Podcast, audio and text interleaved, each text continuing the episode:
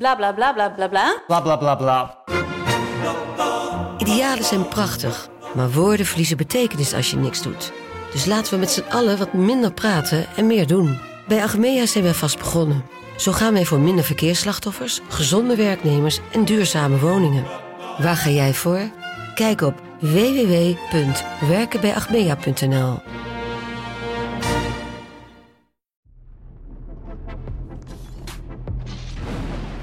Goedemorgen Pieter, we zien daar eh, Christel Koeleman uh, druk in de keuken. Dat is eigenlijk ja, een van de belangrijkste personen binnen Voetbal International. De belangrijkste. De belangrijkste, eindelijk op beeld. Wij gaan beginnen met uh, ja, bekervoetbal van woensdagavond.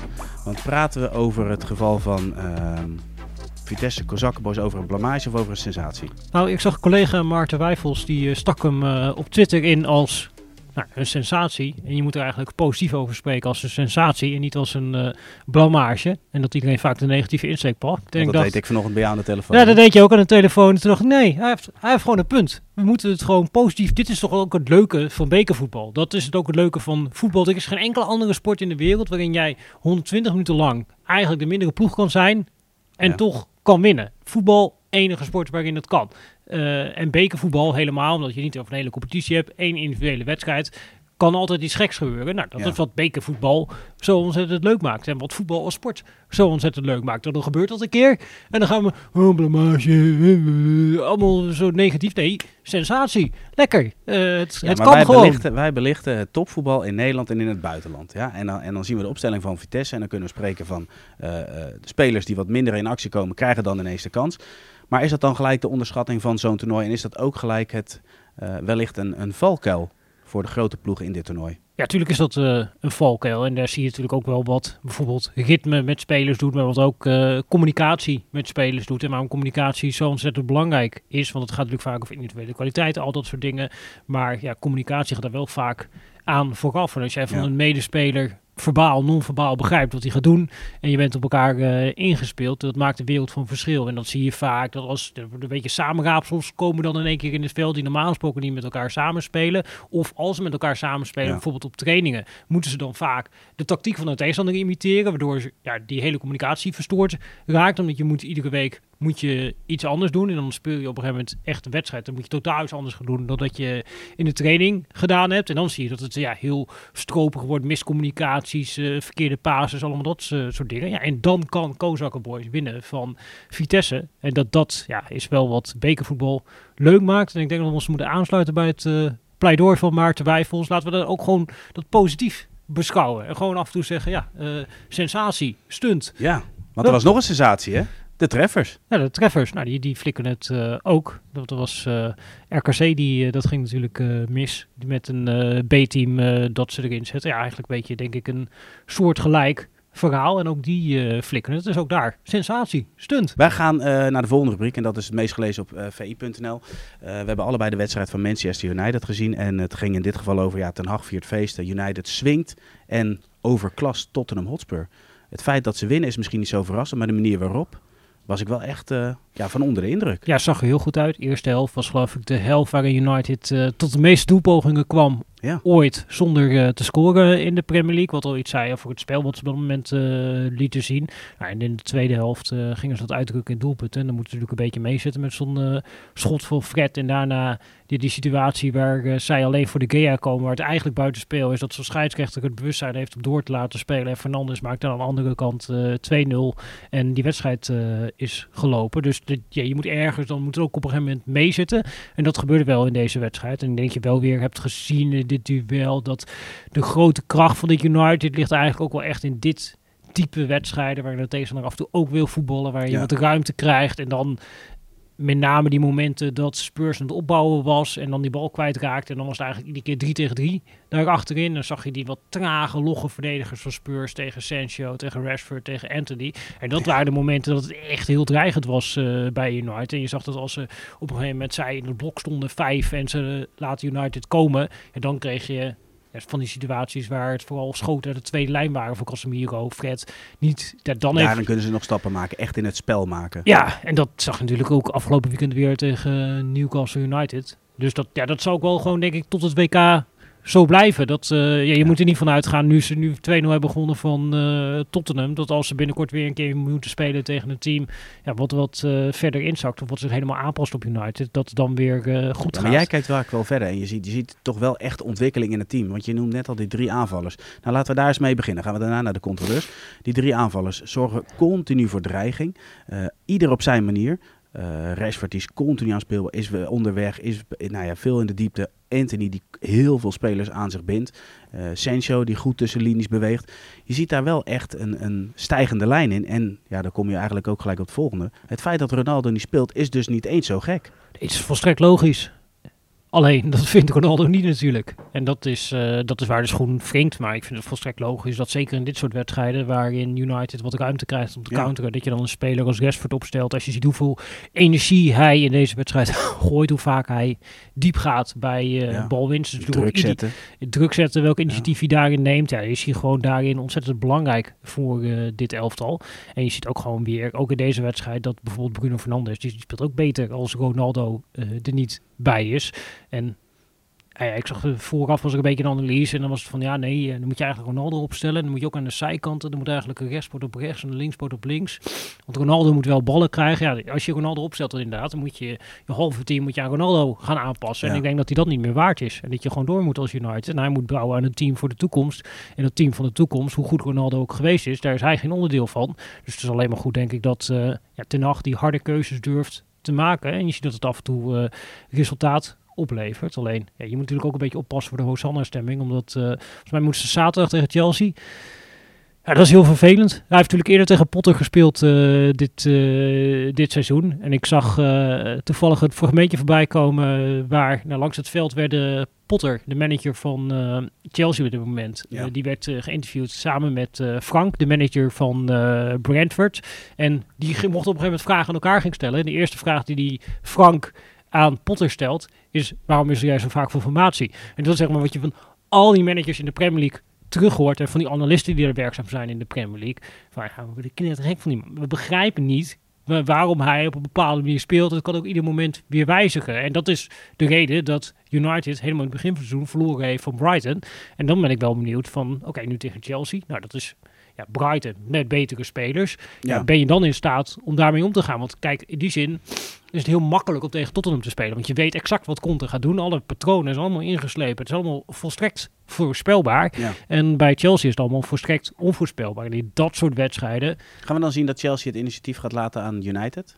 Ja, dat zou kunnen. Dat zou kunnen. Of in ieder geval dat ze bepaalde dingen gaan proberen uit te lokken bij United. Waarvan zij denken dat kansen liggen. En dat is het lastige voor Ten Hag. Dat hij van tevoren niet 100% kan weten hoe Potter dat wil gaan neerzetten tegen zijn team. En ja, ik denk dat in dat aspect, zeg maar, waar het wat onvoorspelbaar is. En de tegenstander zich gaat aanpassen aan United. Ja, dat ze nog niet zo ver zijn. Dus het is vandaag Hosanna.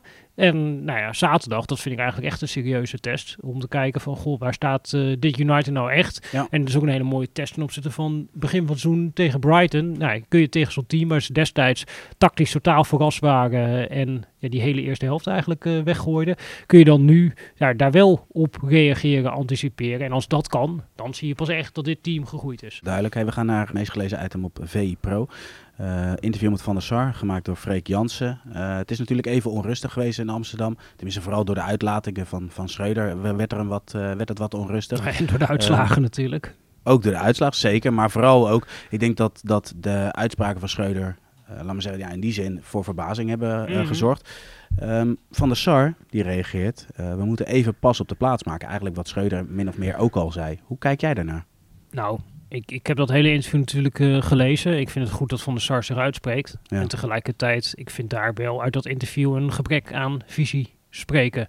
Van, weet je, je kunt wel zeggen, ja, we moeten pas op de plaats maken. Maar wat ik niet lees in dat stuk is, ja, waar gaat Ajax nu eigenlijk naartoe? Wat is de lange termijn strategie uh, om daar wel weer te komen. Je kunt wel zeggen, ja, we hebben die ambitie. Oké, maar hoe wil je die ambitie uh, ja. gaan waarmaken? Ja, en zelfs de vraag van, hebben jullie dat met de technisch directeur, niet met de technisch directeur? Ja, daar komt niet echt een antwoord op. En dan blijft het een beetje hangen in platitudes van, ja, we moeten de rust bewaren. En er zijn veel spelers vertrokken. Ja, en dat en is lastig. had ook tijd nodig. Ja, ten had ja. ook tijd nodig. En Bos had ook tijd nodig. Ja, uh, dat daar, daar kun je niet zo heel veel mee. En ik denk dat juist de kracht geweest is uh, van Ajax, waarom ze weer op dit niveau zijn gekomen, is dat op een gegeven moment Cruijff daar is binnengekomen en gezegd heeft van nou, Ajax kan wel in de Europese top meedoen. En hoe kunnen wij in de Europese top meedoen? Door te doen ja, datgene waarin wij beter kunnen zijn dan alle andere teams in Europa, namelijk met een bepaald soort voetbal wat we Ja. willen spelen in combinatie met de beste jeugd opleiden.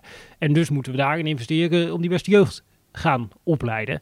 Nou, daar hoor ik bij eigenlijk nooit meer iemand over. Maar wat is dan de nou grootste is. verandering dat het nu dus niet lukt en dat in de voorgaande jaren dus wel eh, is gelukt?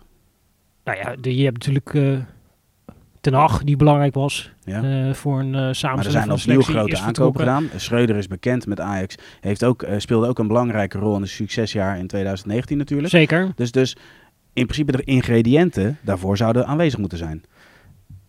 In theorie ja. Alleen als ik nu gewoon sec kijk naar wat is er nou binnengehaald bij Ajax, dan zie ik niet helemaal terug hoe dat nou past binnen ja, een bepaalde visie en denklijn. En ja, je ziet ook wel dat datgene wat de afgelopen jaren vaak de kracht is geweest, dat er iedere keer weer nieuwe spelers doorkwamen uit de jeugdopleiding, krijg je ook wel de indruk bij dat dat een beetje aan het eh, stokken is. Je hebt natuurlijk nog Jurien Timber die je straks voor veel geld eh, kan gaan verkopen. Ja, Taylor is erbij gekomen. Ja, Taylor is nu inderdaad eh, Ja. bijgekomen. Uh, Graafberg recent verkocht, Mascorie recent eh, verkocht. Rens die komt er nu dan eh, een beetje doorheen. Maar die, die hele grote bak eh, waar het eh, uitkwam, het talent, dat, dat lijkt ook een beetje op te drogen. En als dan niet je aankoopbeleid 100% spot on, on is, dan begin je klem te zitten. En dat, dat lijkt nu een beetje de situatie bij Ajax. Eh, en ja, ik ben benieuwd hoe ze denken daar eh, uit te gaan komen. Want eh, nou, behalve dat het tijd kost, heb ik hier niet per se iets uitgehaald waarvan ik dacht, oh, op die manier denken ze het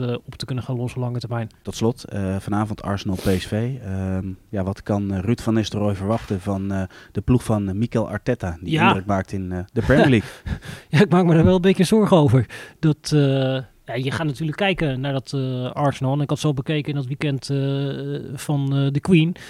Dus ik al heel veel gezien. En je ziet ze sowieso zie je ze in de Premier League spelen. Maar nou, dan ga je ze natuurlijk hopelijk zien. Nou, dan kijk je naar die namen en denk je, oh, nou ja, goed, er staan wat andere namen staan erin. Maar nou, ik heb ze bijvoorbeeld gezien tegen Zurich. Nou ja, kunnen nu met z'n allen zeggen, oh, Zurich stelt niet zoveel voor. Maar het gaat meer, zeg maar, niet over de uitslag en het spel, maar meer over wat zie je terug op het veld. Ja. Nou, en dan zie ik terug dat zij in een bepaalde veldbezetting komen, maar dat ze in het eerste kwartier met totaal gewijzigd elftal, dat ze op zes, zeven verschillende manieren in exact dezelfde veldbezetting uitkomen. Met allemaal reservespelers. En dan zie je, oh, oh, hier gebeurt wel even iets dat jij dus blijkbaar nou ja, in staat bent om met een, daar hebben we net helemaal in het begin over gehad, eh, al die reserves bij elkaar zie je vaak dat het een beetje stroef is en dat je niet meer Ja. patronen terugziet. Nou, hier, ja, het maakt helemaal niet uit. Er komen overal andere poppetjes te staan en die voeren dat zo gewoon weer eh, op die manier uit. En je mist misschien dan wat individuele kwaliteit voorin, maar die tactische principes, die kwamen er perfect uit. En in die zin maak ik me wel echt zorgen voor PSV, want je schakelt natuurlijk ook wel eens van eh,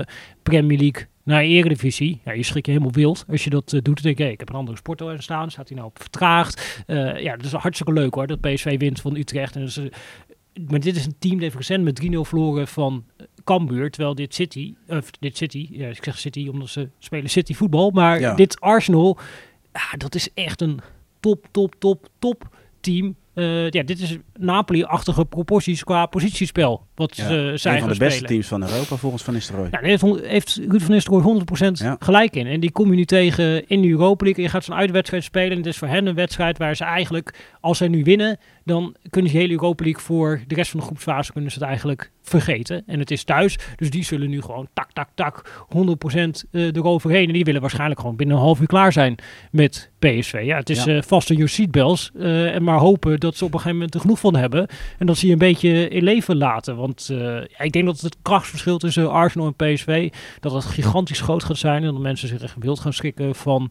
Ja, dat het echt een ander niveau is. Eh, dus ja, eh, ik maak me wel een beetje zorgen over een afstraffing. Ja, en om het verhaal nou rond te maken, dan ben ik wel erg nieuwsgierig of we het morgen hebben over een sensatie of over een blamage. Nou ja, het zou mooi zijn. Ik, ik hoop heel erg dat PSV tot een sensatie komt. Ik vind het grappig dat je nu leest van dat Van Nistelrooy overweegt, nou misschien met vijf verdedigers. Dat zou ik ook van een bepaalde realiteitszin eh, vinden getuigen. Zeker. Waarvan ik denk, nou ja, helemaal nu die eigenlijk geen goede buitenspelers heeft, los van eh, Gakpo. Nou ja, ga dan maar. En je hebt ook geen spits. Nou ja, dan kun je toch ook een keer met Simons en eh, Gakpo voorin spelen. Dat lijkt me helemaal niet zo verkeerd. Nee. Dus nou, dat zou nog best een goede overweging vinden. En dan kun je misschien een beetje de schade beperken. Want ja, dat je hier gaat winnen, ja, dan is er echt wel een heel groot wonder en een hele grote sensatie nodig. Jongens, bedankt voor het kijken en voor het luisteren. Dit was de VZSM van donderdag 20 oktober. Morgen zijn we weer terug met een nieuwe VZSM.